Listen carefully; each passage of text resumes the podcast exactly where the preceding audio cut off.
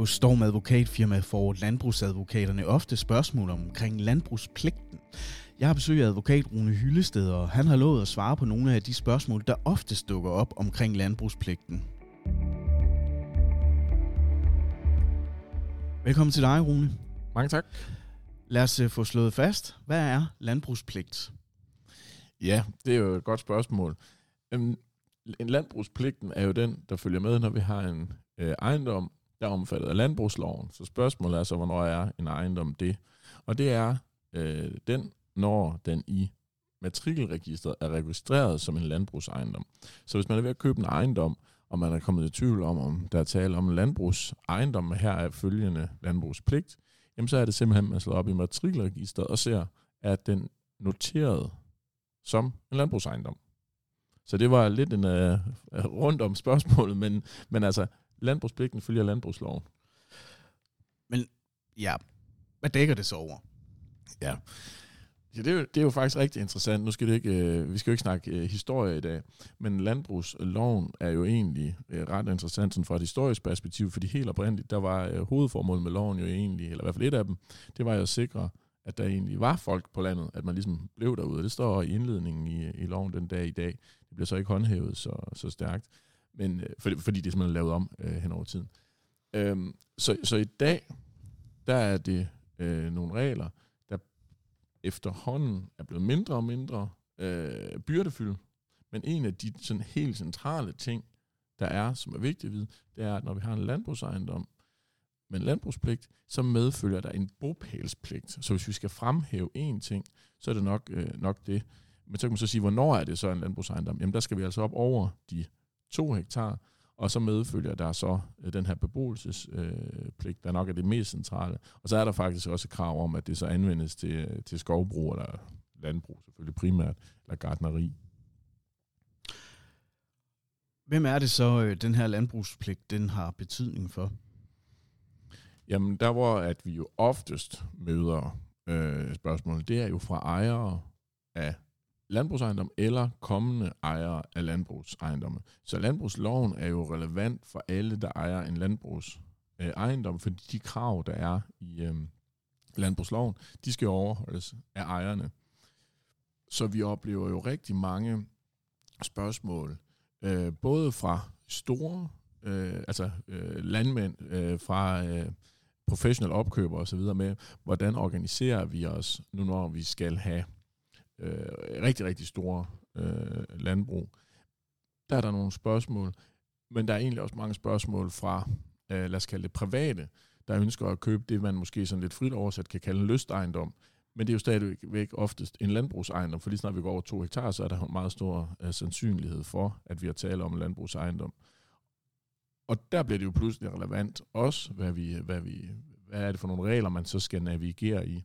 Vi oplever det også øh, lige nu, hvor der er rigtig mange, der gerne vil lave øh, skovejendom, hvor der er jo øh, som udgangspunkt krav om, at det skal være mindst 20 hektar sammenhæng, og det er der rigtig mange, der ikke ved. Så mange prøver jo at lave skovejendomme, øh, der er noget mindre faktisk, øh, og det er ikke umiddelbart øh, så lige til.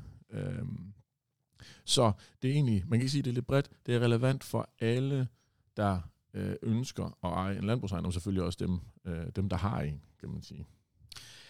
Kan man sådan øh, groft, groft skitsere, øh, hvornår det er, øh, den her landbrugspligt er relevant at være opmærksom på?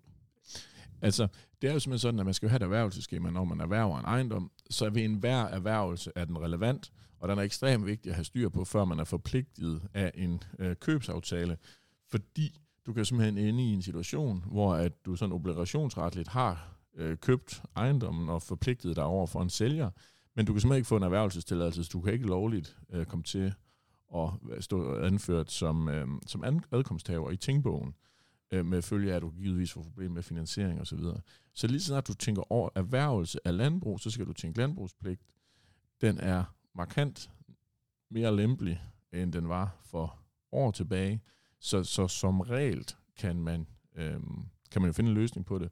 Men særligt det her med, med bopælspligten er ekstremt vigtigt at være opmærksom på, fordi du kan simpelthen ikke blive øh, adkomsthaver af en landbrugsejendom uden at opfylde bopælspligten. Så hvis du bor inde i byen, langt væk fra et stykke areal, du har fundet, eller landbrugsareal, du har fundet, når du har fundet det her landbrugsareal langt væk fra, hvor du bor, øhm, og du bor inde i byen, det kunne du godt tænke dig, det her areal. Og så går du ud og køber det. Den går ikke. Fordi hvis, medmindre arealet har en beboelse. I mit eksempel har den ikke en beboelse. Så, så erhvervelse uden bolig, det, er, det kan ikke lade sig gøre, øh, hvis du bor inde i, inde i byen eller noget andet sted. Så, så, så der er det ekstremt vigtigt, for ellers kan du simpelthen ikke opfylde, øh, så kan du simpelthen ikke få din adkomst øh, kørt ind. Så, så altså, vi skal skille mellem, at, vi, at hvis vi har øh, vores første landbrugsejendom, så skal der være en bopæl, eller så skal der være en bolig på, fordi vi skal opfylde bopælspligten. Og bopælspligten, det er så vigtigt, det er også en dilemma, der er kommet, det er, at bopælspligten, den kan opfyldes ved, at man selvfølgelig selv tager bopæl der, men den kan også opfyldes ved, at man udlejer den øh, øh beboelsesbygning her, på ejendommen, stuehuset for eksempel. Så den er blevet upersonlig.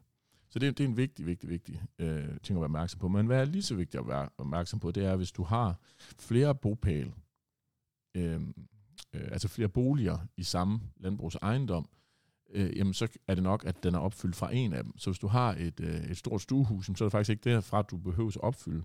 Landbrugspligten, den kan godt opfyldes fra en anden bolig øh, i samme øh, landbrugsejendom, eller med en, der har fuldstændig identiske samme ejere. Så der er egentlig mange muligheder.